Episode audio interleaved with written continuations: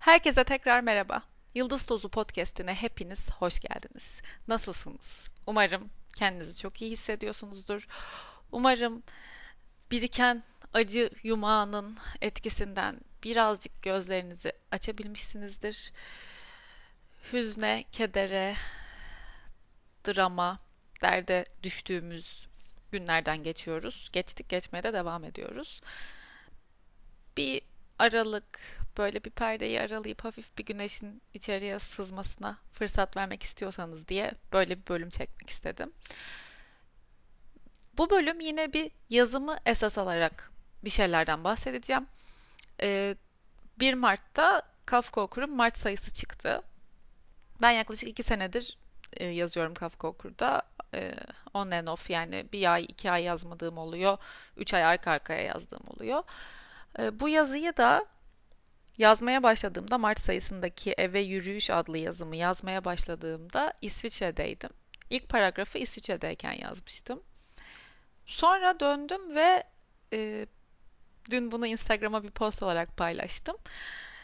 Döndüm ve bu yazıyı yazmayı geliştirdim yani devam ettim. Olan olaylar şunlardı. Kobe ölmüştü. Helikopter kazası, helikopteri düşmüştü. Avustralya'da yangınlar devam ediyordu. Koalalar ölüyordu, nesilleri tükeniyordu. Burada deprem olmuştu.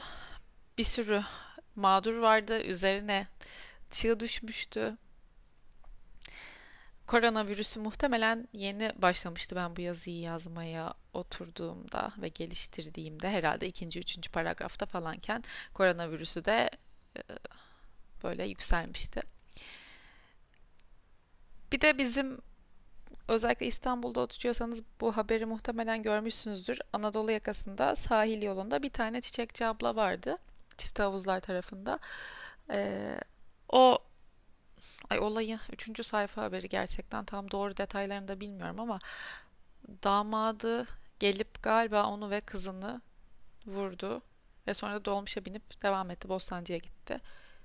Yakalanmadı diye biliyorum ve o abla öldürüldü. Ve bir şekilde e, ben çok şey bir insan değilim böyle donuk hmm, hani gündelik hayat olayları çok etkilenmiyorum falan diyebilen bir insan değilim. Özellikle de işte bu Avustralya yangınları falan olduğunda benim gibi olan birçok insan da linç yedi. Ee, hani o burada şehitlerimiz ölüyor, orada siz ona üzülüyorsunuz falan gibi. Ben her yani her türlü dertten, her türlü tasadan, her türlü ölümden kim olduğu, ne yapmış olduğu ya da bana bir şey yapıp yapmamış olduğu hani bana bir hayrı olup olmaması önemli değil. Etkilenen ve bunlara üzülen bir insanım. Eğer bu size yanlış geliyorsa bence zaten hiç beni dinlemeyin. Çünkü bu kadar temel bir e, kafa yapısı farklılığında bir insanın söyledikleri size çok fazla bir şey ifade etmeyecektir diye düşünüyorum. E, benim hayattan beklentim yoluma çıkan herkesin bana e, hayrı dokunması değil. Hiçbir zaman böyle olmadı. Annem beni böyle bir insan olarak yetiştirmedi. Ben gerçekten e, her canlının iyi halini e, ümit ediyorum ve ölüm ve kayıp benim için hassas bir nokta, hassas bir konu. O yüzden de özellikle yani gerçekten gördüğüm, duyduğum her türlü ölüm haberinden çok fazla etkileniyorum. Dolayısıyla ben ve muhtemelen birçoğunuz da böylesinizdir zaten. Normal olanı bu. İnsanız. Hep söylüyorum. İnsanız ve bizi insan kılan en güzel, en hassas noktamız da bu bence.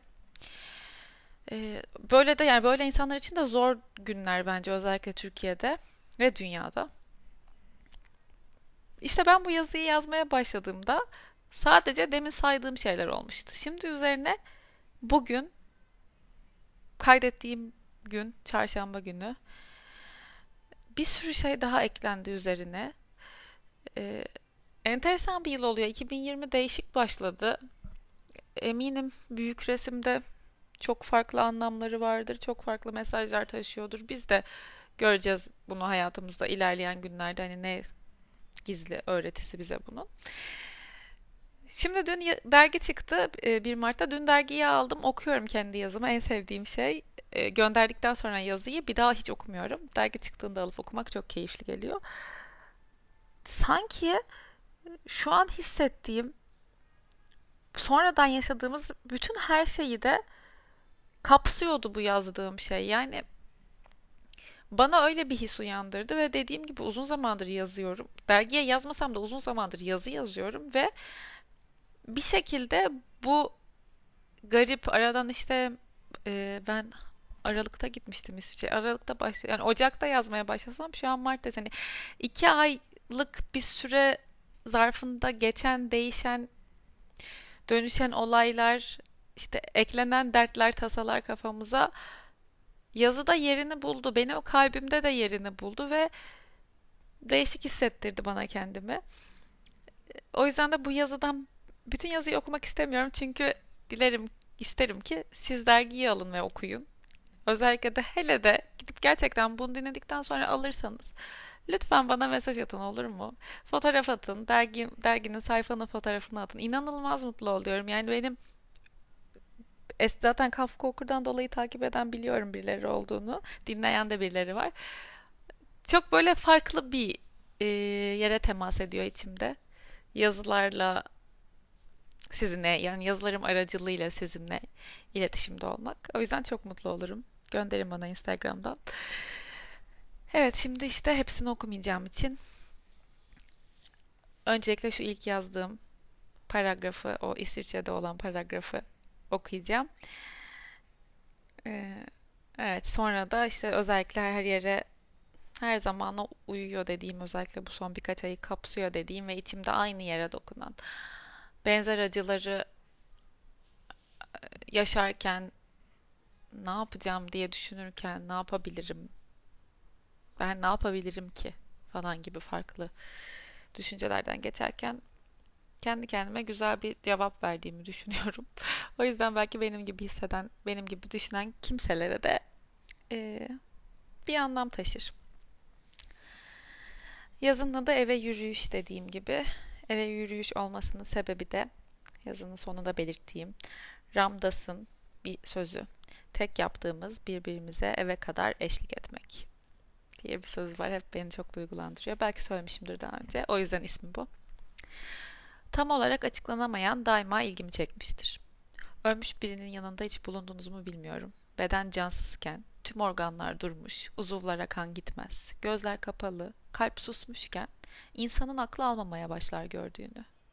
Belki bir saniye, belki bir saat, belki bir gün önce canıyla kanıyla yanında durduğun o kişi nefessiz bir uykuda gibi bir daha uyanmamacasına uyuyor gibi dururken merak etmeden duramaz insan. Fikirleri, hisleri, hissettirdikleri, onu o kılan, sadece ona özel olan özellikleri nereye gitti peki? Gözlerindeki ifade nereden yüklüyordu bakışlarına anlamı? O nereye gitti? Beden orada, tüm sonu gelmişliğiyle öylece duruyor. İçinden geçenler, kalbinin ve zihninin ortaya çıkardığı sadece ona özgü olan her şey, en ufak detayını bile alıp rüzgara mı karıştı yani? Biri önünde sıcaklığını yitiren bedeniyle uzanırken daha iyi anlıyor insan. Gözle gördüğün asıl olanın çok küçük, çok yetersiz bir yansıması. Onu o ruhuydu. Uyandırıp kırgınlıklarını, düşlerini, nefret ettiği şeyleri, tutkularını öğrenmek istiyorsun. Tüm fikir ayrılıklarınızdan öpmek. Yaralarına nazikçe elini koyup sadece orada olduklarını biliyorum, ben buradayım demek istiyorsun sonra. Geç oluyor. Başka türlüsü mümkün mü? Hafta içi bir akşam üzeri iş çıkışı saatinde üç şeritli bir caddede trafik kilitlenmişti. Sonra bir ambulansın acı sireni duyuldu. Bir saniye önce diğerinden çok değil 50 santim önde durmak için itişen arabalar, agresif ve bıkkın sürücüler şimdi bir bütüne ait olmuş iki yana açılıp ambulans geçsin diye orta şeridi boşaltmaya çalışıyorlardı. Ambulansın içindeki bir, bir kişi, bir canlı, canlı olmaya devam etsin, hayatta kalsın, iyi olsun, iyileşsin diye belki 50 kişi az önce çok önemli gibi gelen bir şeyi, aklındaki sorunu, stres unsurunu, yetişeceği yeri bir an için unuttu. Çok kısa bir an için önemli olan yegane gerçek bir yabancının hayatıydı. Çünkü bu mümkün.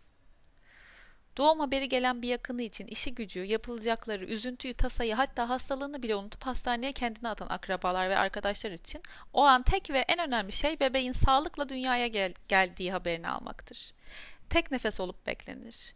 Bebe bebeğin ağlama sesi duyuldu mu tek bir damla sevinç gözyaşı olup akılır. Bu mümkün. Hiç elini sıkıp sıcaklığını hissetmediğin birinin iyileşmesini içi titreye titreye dileyebilir. Bir kelimelik sohbet geçmişi, ortak tek bir anısı olmayan biri öldüğünde ağlayabilir. Sadece ekranlar aracılığıyla tanıdığı, yalnızca adını bildiği birinin vefatının ardından ailesinin acısını iliklerinde hissedip esenlikleri için tüm kalbiyle dua edebilir insan. Acımasızca öldürülen çiçekçi ablanın yerinin önünden geçerken gözyaşını tutmak için derin nefesler alıp verebilir. Kötü kalpli herkesin, hasta ruhların hepsinin iyi insanlardan uzak olduğu bir dünya hayal edebilir insan. Doğal afet haberleri sonrası gelen o his, seni yardım etmeyi, ne yapabilirim diye düşünmeye, çabalamaya götüren, tırnak içinde bir topluluğa ait olma hissi, gündelik hayatındaki çarkın senin katkınla dönmediği, eksikliğinle de durmayacağının olan inancını yener. Çünkü bu mümkün. Devamını okumak istemiyorum. Umarım ilginizi çeken bir şey bulmuşsunuzdur ve siz devamını okursunuz.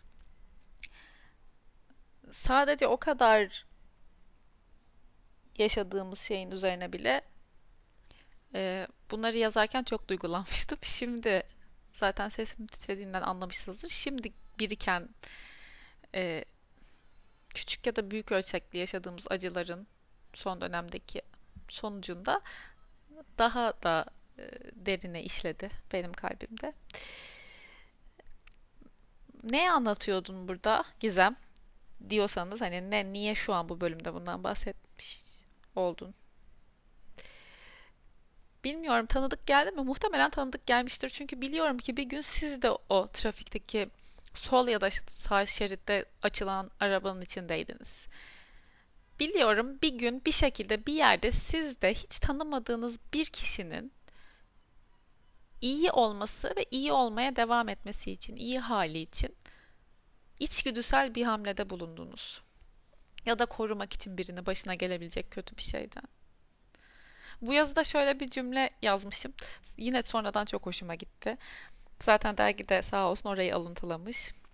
Yanındakine aşık olman, kan ile bağlı olman, onunla uzun yıllar biriktirdiğin anılara sahip olman şart değil yaralarını görmek için. Buna bir şeyler ekleyelim. Onun iyi hali için bir çabada bulunman için de şart değil. Yani biz hayatta evet sadece kendimizden sorumluyuz. Bunun anlama geldiği, bunun kastettiği şey farklı bir şey. Ama biz bu hayatta bağımsız bir şekilde atılmadık bulunduğumuz noktaya.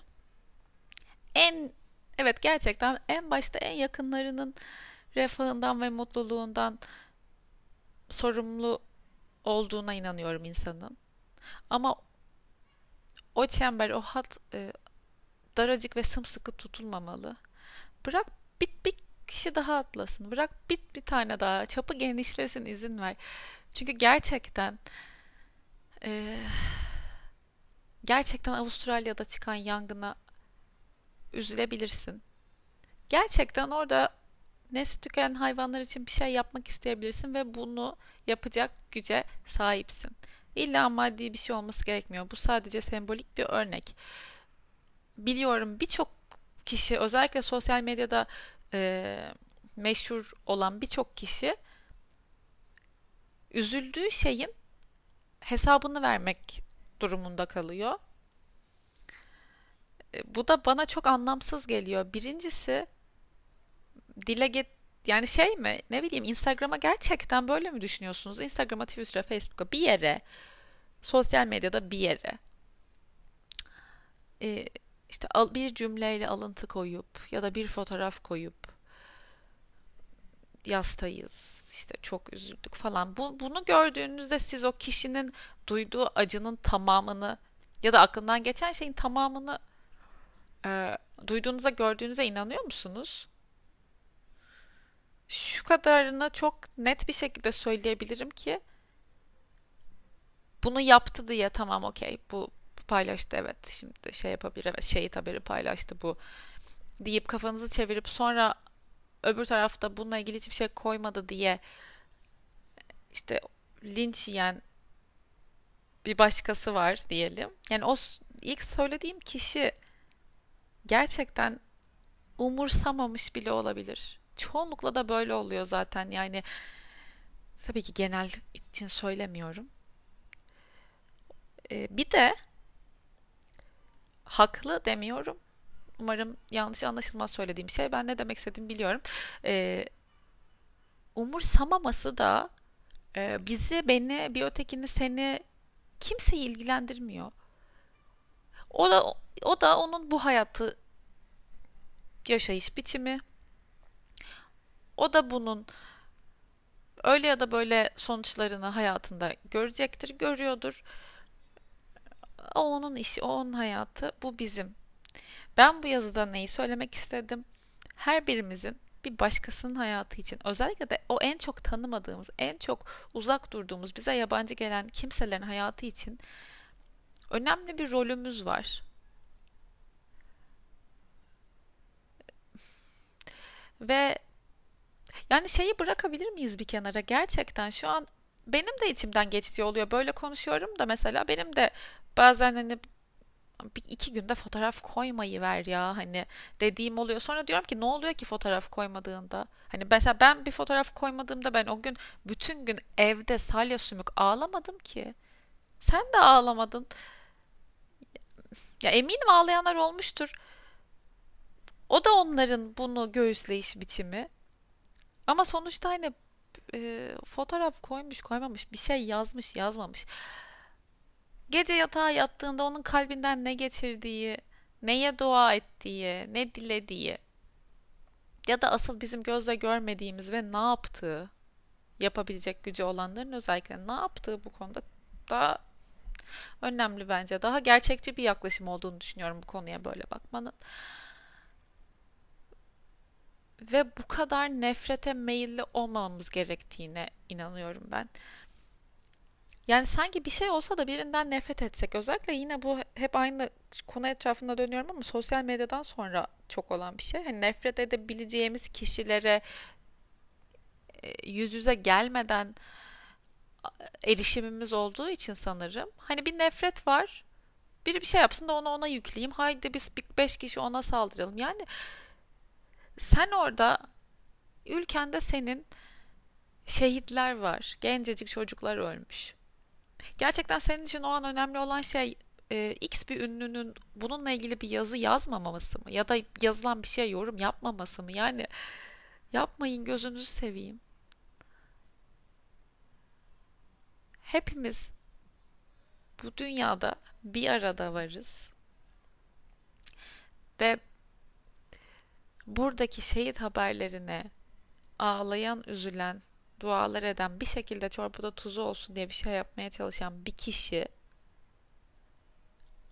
o acıyı dünyanın bambaşka bir yerinde hiç görmediği, hiç tanımadığı, hiçbir anısı olmayan bir başka ölüm haberinde de duyabilir. Aynı yükümlülüğü bir şey yapayım, ne yapabilirim çabasını bambaşka bir olayda da hissedebilir. Her birinde hissediyor olmamız kadar doğal bir şey yok. Ve kimse kimseye çektiği acıyı kimse kimseye yani Ahmet Kaya'nın şarkısında diyor ya siz benim nasıl yandığımı nereden bileceksiniz? Bence o kadar doğru bir söz ki bu. Ne anlatıyorum? Çok karışık konuşuyorum gibi ama aslında söylemeye çalıştığım şey bunu ne çözüm sunuyorsun peki? Diyorsanız eğer kimse kimsenin ne yaşadığını bilmiyorsa eğer bu şehri, ülkeyi, bir topluluğu yakıp yıkmış olmak zorunda da değil. Bireysel bir acısı da olabilir bu kimsenin. Bence o tedbirle yaklaşmamız gerekiyor hayatımızda karşımıza çıkan herkese. Ben de bunu e, dediğim gibi yine annemin bana öğrettiği bir şey bu. Yani görerek öğrendiğim bir şey bu herkese karşı. Daha kibar olmaya çalışmak, daha nazik davranmaya çalışmak. Onun ne yaşadığını biliyor musun bir dakika önce sorusu. Özellikle ergenlikte ben hiç böyle değildim. Yani çok çok kolay öfkelenirdim. Herkese özellikle de böyle tanımadığım insanlara ne bileyim işte hızlı alamıyorsam mesela markette almaya çalıştığım şeyi kasadaki kısa sinirlenirdim. İşte siparişim yanlış geliyorsa garson sinirlenirdim ama asla şey değil yani hani kendi kendime sinirlenirdim. Ne bileyim ona en kötü yalnız işte 5 dakika geç geldi falan 5 dakikadır 5 dakika değil de işte atıyorum 20 dakikadır bekliyorum yani falan derim ama öyle iğrenç kötü kalpli bir insan gibi davranmadım hiç ama artık böyle hissetmemeyi bile e, başarabiliyorum. Çünkü gerçekten ya gerçekten ne olur buna bir fırsat verin. Bir insanı sevmekle başlayacak her şey diye bir söz var. Tapmanız gerekmiyor. Sevmeye bir fırsat verin gerçekten. Çünkü mesela bizim insanoğlu olarak e, yeni türeyebilecek ve tadını hiç bilmediğimiz bir acı yok. Eğer empati kurmayı başarabilirsek gerçekten empati o kadar gerekli bir yeti ki geliştirilmesi insanda. Yani bunu lütfen bir deneyin, izin verin. Eğer empati kurmayı başarabilirseniz çünkü önünüzde ağır yürüyen birine de sinirlenme duygunuz, o yükselen his yok oluyor. Aynı şekilde çok dünyanın bambaşka, bir yerindeki bambaşka bir acı içinde üzülüp bir şeyler yapma dürtüsü hissedebiliyorsunuz içinde. Ve bence bu şekilde yaşamak daha güzel. Burada kaç sene olduğumuzu bilmiyoruz. Kafanızı nereye çevirirseniz bir insan var. Biriyle bir iletişim halinde olmak zorundasınız. Öyle ya da böyle. Sevin ya da sevmeyin. Bir şekilde ya sadece kendi çıkarınız için konuşmak zorunda kalıyorsunuz bir gün içinde biriyle. Ya da gerçekten zaten hani hayatınızda önemli yere sahip bir insan oluyor. Her birine o gün içinde karşılaştığınız herkese bilindik bir acıyı yani sizin deneyimlemiş olmanız gerekmiyor. Ama hayal etseniz başınıza geldiğinde ne kadar üzüleceğiniz ertesi gün işe gittiğinizde nasıl davranacağınızı hayal bile edemeyeceğiniz birçok bir şey var. Onu yaşıyor olabilir o karşınızdaki kişi. O an sizin sinirinize dokunan bir şey yapan, bir şey söyleyen ya da yapmayan ama sinirinizi bozan birisi gerçekten tam bir dakika önce telefonu kapattığında ne duydu, ne haber aldı bilemezsiniz. Ve de çok uzak bir şey gibi geliyor bize kötü haberler ama değil. Maalesef hayatın yin yang gibi bir parçası da kötü olaylar, acılar. Buna e, insanların alnında yazması gerekmiyor. Ben dün şunu yaşadım, sonra bu oldu. Anlayışına muhtacım. E, lütfen bu ihtimali hep aklınızda taze tutun. E, yani mesela bu çiçekçi abla örneğinde de hani ben oradan haftada iki gün üç gün geçiyordum. Mesela onu son kez gördüğümü bilsem eminim çok daha farklı bir şekilde davranırdım. Bir kere muhabbet etmişliğim var mı? Hayır. Belki ondan çiçek çiçek bile almadım hiç. Sadece orada çiçekleriyle o abla dururdu. Biliyorum neresi olduğunu kim. Yani az çok görsem evet oydu o diye hatırlayacak kadar. Ya birini son kez görüyor olma ihtimalinizi düşündüğünüzde bence bilmiyorum. Değişir herhalde yaklaşımınız. Hayatına dokunabileceğiniz bir minik tebessümle gerçekten değebileceğiniz insanlara bir minik tebessümle değmeye çalışın. Demeye çalıştığım şey bu. Bunun için kimse sizden bir para vermenizi beklemiyor. Hiçbir bedeli yok. Ama etkisi ve bulaşıcılığı inanılmaz. Sadece gülümsemeyi deneyin. Eğer maddi imkanınız elverişliyse duyduğunuz yardıma muhtaç e, işte aç, yoksul ya da mağdur e, ulaşın ya yapın kimsenin bilmesi gerekmiyor lütfen kimsenin bilmesi için bir şey de yapmayın sadece elinizden ne geliyor bir bakın Gerçekten e, ebat, e, büyüklük, miktar hiç önemli değil. Yapın bir şey. Sonrasında kendinizi çok daha farklı hissedeceksiniz. Bunu da doğrulayacak. Ben bunu söylerken aklınızda böyle çalan bir zil vardır belki zaten olmuş olan bir olaydan dolayı. İşte o histen bahsediyorum. Trafikte ambulansın geçmesine yol veren o insanlara sesleniyorum. O yaptığın şey gibi illa acaba ölüm döşeğinde mi şu an o sirenle giden kişi diye düşündürecek kadar somut bir veri olması gerekmiyor birinin iyi hali için çabalaman için. Surat asık bir kişi görmüş olabilirsin e, bir yerde alışveriş yaparken. O da aynı ilgiyi ve çabayı hak ediyor diye düşünüyorum. Sen de çünkü gerek sen de aynısını zaman zaman hak ediyorsun. Demin söylemeye çalıştığım şey aslında e, buydu. Yani üreyecek ve tanımadığımız türde bir acı yok. Acı seçenekleri belli. Evet çok çeşitleniyor altında. Ama birdenbire ortaya çıkılacak birinin üreteceği bir şey yok. Bu acıların hepsi, bu mutlulukların hepsi biz insanlar için. Sen payına düşeni yaşıyorsun, o payına düşeni yaşıyor. Ne olacağını hiçbirimiz bilmiyoruz. Bir sonraki gün hangimizin hangi acıyı ya da sevinci çekip üzerimize giyeceğimizi de bilmiyoruz. O yüzden empati kurmaya çalışalım.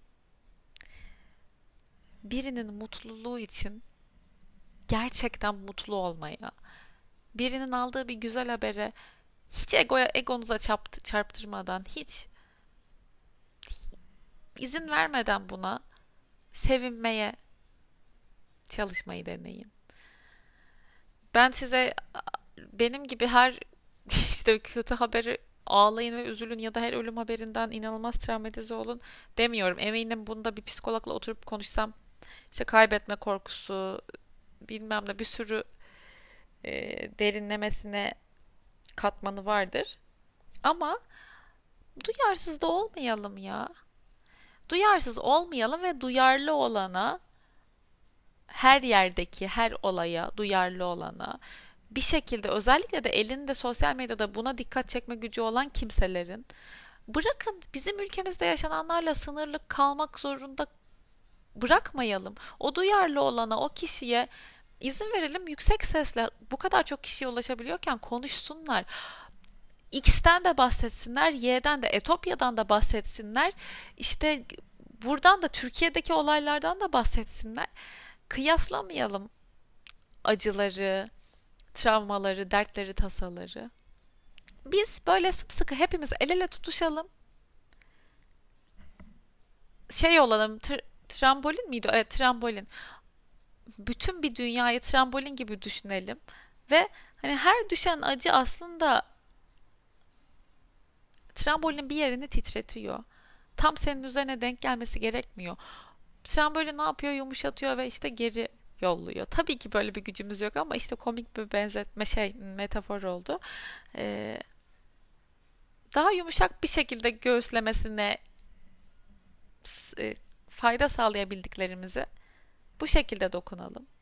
Dünyanın bambaşka bir yerinde ya da bizim oturduğumuz yerden çok alakasız bir yerde ya da ay bu da dediğimiz yazıda da böyle yazmıştım kimselere ayırt etmeden insanları birbirinden ayırt etmeden herkesin iyi olmayı sürdürmesi için biz üzerimize düşeni yapalım ama bir ekstra da ne yapabilirim acaba ben bu kimse için? Diye de düşünelim demek istiyorum aslında. Çünkü e, bir gün bizim yani bunu da yazıda yazmıştım. Allah korusun tabii ki böyle bir şey çağırmaya çalışmıyorum da ambulansın içinde olan o bir kişi kim olacak hiçbir zaman bilemeyiz ve belki biz o ambulansın içindeyken hiç tanımadığımız, yanından geçerken burun kıvırdığımız, yüzüne gülmediğimiz, belirsiz kim olduğu belirsiz 50 araba ya da daha fazlası biz iyi olalım diye yol vermeye, hızlıca bir çare bulmaya, nasıl açabilirim ambulansın yolunu diye e, düşünmeye başlayacak ve bir şey yapacak. Bence bu mümkün. Ee, o yüzden de birlikte bir yerden geldik, bir yere gidiyoruz. Bu kavgalara, gürültülere büyük kısmı için söylemiyorum ama bizim hayatlarımızda en azından. Gerek var mı ya? Yani bir olsak daha güzel değil mi? Bilmiyorum içimden bugün bunlardan bahsetmek geldi. Bir de artık çok kafam karışıyor. Belki bu alıntıyı daha önce bir yazıda söylemiştim. Mutluluğun kitabı. Hani Dalai Lama ile Başpiskopos Desmond Tutu'nun e, diyaloglarından, farklı konularda yöneltilen sorularla ilgili işte cevaplarından derlenen bir kitap. Kesin bahsetmiştim. Yine koyarım açıklamalar kısmına. Bir bakarsınız ilginizi çekiyorsa. Orada Desmond Tutu'nun şöyle bir lafı var. E, bu bana çok değdi. Bence size de temas edecektir. İstisnalara rağmen insanlık hakkındaki, insanoğlu hakkındaki, insanlar hakkındaki esas şeyin iyi oldukları, iyi yaratıldıkları ve gerçekten iyi olmak istedikleri olduğunun her zaman farkında olmalıyız.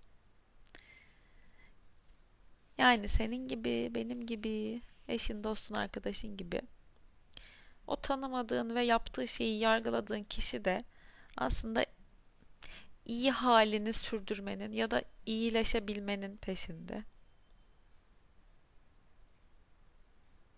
Bu çabalarımız, bu iyi olmaya çalışırken hayatın bizi içinden geçirdiği yollar tabii ki bir diğerinin yolunu çukura sürmeyecek şekilde olması gerekiyor. Temennimiz bu. Ee, hani birini öldürüp çantasını çalan ve o parayla kendini hani karnını doyurmak, onun da iyi olma ihtiyacı bu ya. Mesela yorumluyorum şu anda ekstrem bir uca çekiyorum. Ona gidelim hani kucaklayalım demek istemiyorum. Ama bu insanlar da hayatta olmaya devam edecek. Yazdığım gibi kötü kalpli insanların hasta ruhların olmadığı ve iyi olan kimseye hiçbir şey olmadığı ve korunduğu bir dünya hayal etmeye devam ederken üzerime düşen ne? Ben bu küçük dünya üzerindeki bir toz tanesinden bile küçük insancık olarak sadece gülümseyerek bir şeyleri değiştirebilir miyim? Bir denemeye fırsat verelim demek istiyorum aslında. Ve beni rahatlatan ve şu an bana kendimi iyi hissettiren şey de dinleyenlerden birilerinin ne demek istediğimi anladığını biliyorum. Birçoğunun hatta bunu yaptığını da düşünüyorum açıkçası. Çünkü daha bilinçli bir hale geliyoruz yavaş yavaş. Buna inanıyorum. Bizim kuşak ve bizden sonraki kuşağın bir sürü şey değiştireceğine, kolektif bilinçte bir sürü şeyin değişeceğine çok inanıyorum. Ve bize güveniyorum. Size de güveniyorum. Eğer bir şekilde bu podcast'ı buraya kadar dinlediyseniz lütfen birkaç gün karşınıza çıkan insanlara içinizde kabaran kötü hislerin aslında ne kadar yersiz, saçma ve gereksiz olduğunu fark etmeye çalışın. Ve durun ve sorun. İlk kişi de mesela. Zaten sonra devamı geliyor buna alıştıkça. Kızcağız ya da bu adamcağız kim bilir ne yaşadı hayatında ya da az önce ne yaşadı, ne duydu. Hepimiz zaman zaman böyle şeylerin içinden geçiyoruz. Bizim o anlayışı hak ettiğimiz kadar tanımadığımız kimselerde o iki saniyelik durup düşünme ve sonrasında işte dönüştüğü anlayışı hak ediyor. Çok polyana bir bölüm olmuş gibi oldu ama aslında yani az çok bu böyle buralara kadar dinlediyseniz daha önceki bölümleri falan benim ne demek istediğimi e, anlıyorsunuzdur. Yeniyseniz de önceki bölümleri bir dinleyin. Pollyanna bir insan değilim. Ee, sadece sevgiyle, e, iyilikle, iyi kalplilikle bir şeylerin dönüştürülebileceğine inanıyorum. Ve bütün bu evrende ben dedim ya toz tanesinin bir minnacık bir kısmıyım yani. Bu olduğum kişi olarak bir şeyler yapabileceğime inanıyorum. Sadece olduğum kişi olarak olduğum yerde elimden ne geliyorsa gerçekten kalbimden iyi bir dilek geçirerek bile birine tebessüm ederek bile kocaman evrende bir şeylerin değişmesini katkıda bulunabileceğimi biliyorum. Kaldı ki zaten şu an bu bölümü çekerek bile 100 kişi dinlese beni 100 kişinin belki kafasında 30'unun yüzünün de değil 30'unun bir ampul yanacak. İyi bir ampul. İyi niyetli bir ampul yanacak. Daha ne isterim ki ben? İlla büyük kitlelere hitap ediyor olmanız gerekmiyor. Sizin yaptığınız iş ne bilmiyorum. Böyle tanımadığınız insanlara e, yani bir podcast kanalın olduğundaki gibi ulaşmanız da gerekmiyor. Başta bahsettiğim o çemberinizde en sevdikleriniz değil de bir tık dışındakilere temas edebilirsiniz ki bu mükemmel bir şey ve bu şekilde de bir şeyleri dönüştürmek mümkün. Buna inanın. Kollarımı açtım konuşurken şu an. Kalbimden kalbinize umarım akmıştır bu söylemek istediklerim. Özündeki duygu. Ben her birinizi gerçekten çok seviyorum. Sadece bu dünyadan beraber geçtiğimiz için, eve beraber yürüyor olduğumuz için çok seviyorum. Sizi tanımamıza tanımama gerek yok. Siz de buradaysanız herhalde beni seviyorsunuz ki dinliyorsunuz. Öyle umuyorum. Bu böyle bir bölüm oldu. Gerçekten aktı ve akışta bir bölüm oldu. Hiçbir planım yoktu.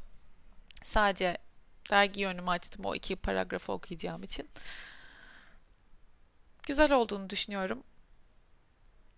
Umarım bir nebze içinize sinen, aklınıza yatan, kapattıktan sonra daha iyi hissetmenize sebep olan bir şeyler duymuşsunuzdur. Ya da belki sizin o yolunuzun kesişeceği insanların da daha iyi hissetmenize, hissetmesine vesile olacak bir şeyler duymuşsunuzdur. Unutmayın yüzünüzdeki tebessüm çok önemli. Bir sonraki bölümde görüşürüz. Bana sormak, söylemek istediklerinizi info.gizemvatandost.com'a mail atarak iletebilirsiniz. Ya da Instagram'dan @gizemdemirel'den her zaman ulaşabilirsiniz. Kendinize çok iyi bakın. Çok daha güzel haberler aldığımız, her şeyin mucizevi bir şekilde çok daha iyi olduğu ve hepimizin iyiye katkıda bulunduğu bir hafta olsun. Haftaya çarşamba bir sonraki bölümle görüşmek üzere.